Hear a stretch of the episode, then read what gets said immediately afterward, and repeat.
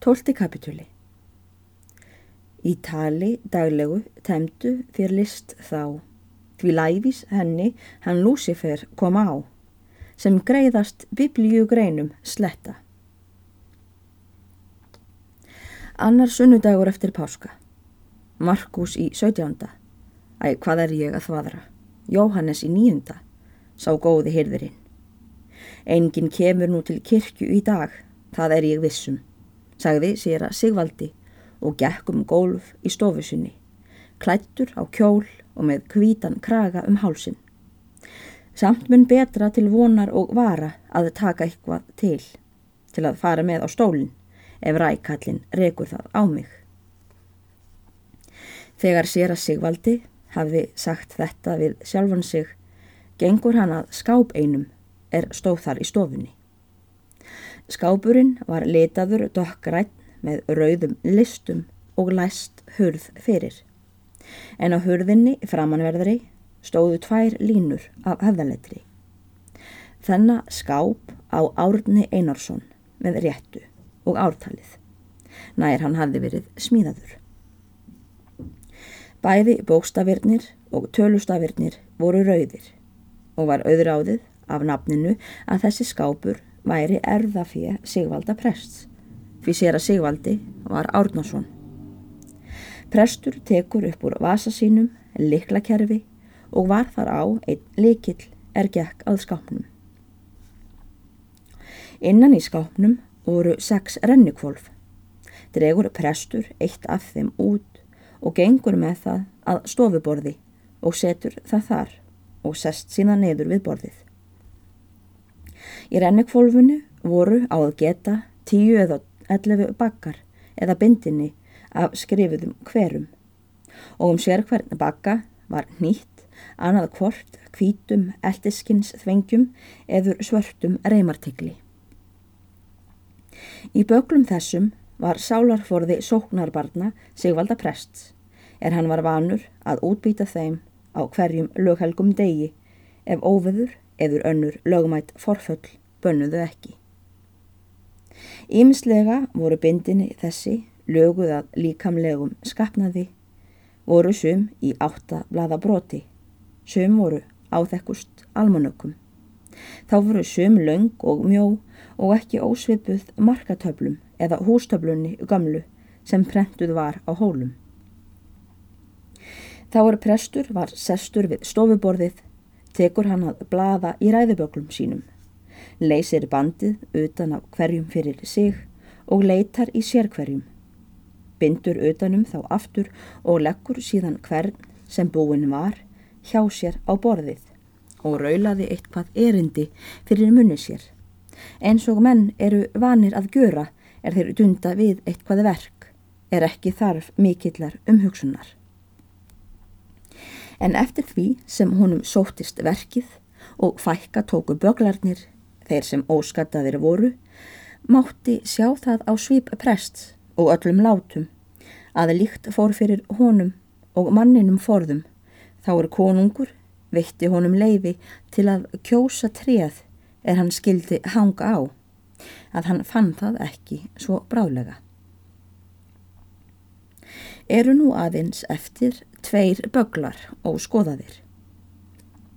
Lítur prestur þá ofan í rennukvolfið og segir Hér er þá ekki um auðugan garð að gresja og ekki annað eftir en skræðurnar sem ég fekk hjá honum sér að sveini heitnum. Tröll hafi nú tópakið, hm, hm. Á ég engar skræður sem þjena þessu guðspjalli. Það verður þú að vera eitthvað hér. Það átti að vera heil árgangur. Ég gaf honum 300 af þorskhöfðum Því hafa þeir gárungarnir, það heyrir enginn til, haft það nafn á þeim að kalla þær þorskhöfðapredikanir. Í þessu tekur prestur annan bakkan sem eftir var í kvolvinu, leysir utan af honum og fer að leita. Og er hann hefur um stund bladað í bakkanum, lítur hann á eitt heftið og segir Það er lág að, hér kemur hún, ræða á annan sunnundag eftir páska. Óþarfa langt exortíum, látum á sjá. Hvað leggjum við út af? sagði prestur og let augun hlaupa yfir fremstu blaðsíðurnar af ræðunni og les síðan í halvum hljóðum. Við viljum því, kærir bræður, á þessu litla stundarkortni í kortleika og eftir vorum brostfeldugu efnum yfirvega út af þessa dags evangelju. Prímó, eða í fyrsta máta, að við allir séum vangaðir. Réttir það, sagði prestur, og sekundó, eða fyrir það annað, já, þar hef ég nú ítem, að við réttir það, etc. Hm, hm. En hér er galli á gjöfin jarðar, vantar sem sé tvö eða þrjú blöð aftan af ræðunni og svo mun ég hafa fengið hanna. Skaði er hvernig allt fúnaði og skemmtist hjá honum söðunum. Hmm, hmm. Og bænina. Hmm. En úr því er nú betra að ráða. En hitt var verra. En látum samt sjá. Hér getur verið amin eftir efninu. Hmm, hmm. Í þessum svifum var stofunni lokið upp og kom Guðrún raðskona inn. Fer þá prestur að hraða sér að láta aftur niður í kvolvið bindinin en stingur ræðunni í vasasinn og varpar um leið orðum á Guðrúnu og segir Sest til nokkurs kirkifólks, jungfrú Guðrún. Einhverjar tvær karlmannsræður eru að koma hérna neðan túnið. Mér síndist annar þeirra líkur meðhjálparanum. Já, hann er alltjönd að þessu röldi, Karl Hólkurinn sagði prestur, þó enginn komi og ekki nema einn með honum. Nei, ekki síndist mér það vera. Það kemur varðla margt í þessari færð og ný afstafinir páskarnir. Það hefur nú fengið nokkuð af messum, held ég, og seinast á sunnudagin að var. Þú vísar honum hingað inn með hjálparanum, sagði prestur og stakk rennukvolvunu inn í skápin og lasti. Hann mun rata, mænti ég sjálfur. Vanur er hann því, sagði Guðrún ráðskona og gekk aftur út. En að lítilli stundu liðinni er stofunni lokið aftur upp og kemur inn maður nokkur. Það var meðhjálparinn.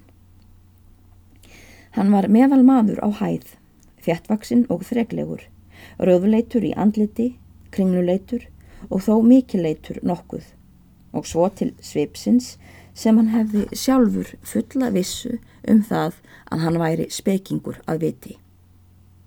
Hann hafði hár mikið og greitt aftur begja megin við eirun og sást ennið allt og var það ekki all lítið. Hann var svo klættur að hann var á blári peysu, silfurneftri, ból tvíneftum og svörtum néböksum og var klauf á neðan og þar í þrýr nappar á ljósbláum langsokkum, brugðnum og mósaböndum. Hann bar hátt höfuðið og velti vöngum, gekk djarfumannlega og var ljóst á öllu látbræði að maðurinn þóttist eiga nokkuð undir sér. En er hann kom á mitt stofugólfið, hveður hann prest og segir Heilir ávald, prestur góður. Ég á að minnast þess að konan mín óskariður góðus. Sælir og blessaður, grímur minn, sagði prestur. Sjaldan látið þér standa á yfir. Mér ber prestur góður, að minnast orða postulans. Hver ennbætti hefur, hann gæti þess. Það væri ekki all lítil minkun, eða það stæði á meðhjálpara myndinni, sagði grímur og velti vengum. Komu þér einsamall, mónsir grímur? Nei, nei, prestur góður. Ég let einn af drengjónum mínum ganga með mér, sagði meðhjálpari. Viljið þér ekki setja yfir niður meðhjálpari minn, sagði prestur. Þökk er mér á því, en með leifi yfir prestur góður, ætla ég að bregða mér fyrst út í kirkjuna og líta að alltarispípunum, ef messað kynni að verða, og þeirra orsaka vegna verði ég að byggja um leikilinn. Hann er að venju grímur minn í glugganum, sagði prestur. Grímur með hjálpari gekkað glukka og tók þar líkilinn.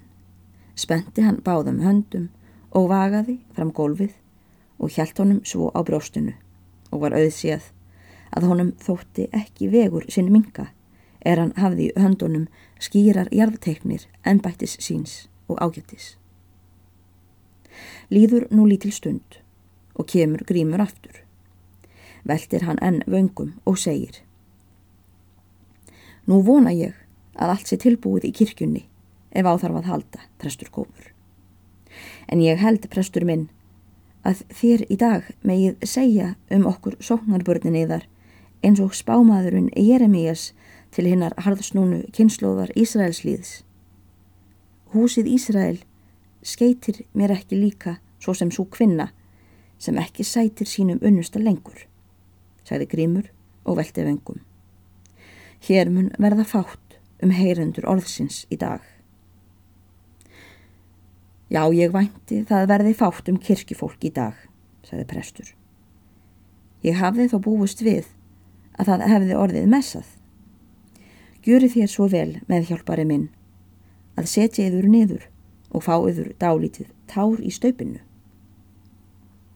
Um leið tók prestur silfurstaup er stóð í glúkanum og flösku og heldi á staupið. Tekur það og setur á mun sér og drekkur það ofan til hálfs skengir síðan á það aftur fullt og býður grími. Gengur hann að borðinu, neyir sig, veldur vöngum og setur á mun sér og drekkur þó ein nema Rúman Friðjung. Prestur sér að hann hefur drukkið lítið af og segir Hér gjöru þessu harla lítinn kostnað með fjálpari minn. Og er það þó eigi að því, prestur minn, að ég fyrirlíti gáfu drottins eður álíti það vanverðu vín að smakka. Því Salomón segir Hóflega drukkið vín gleður mannsins hjarta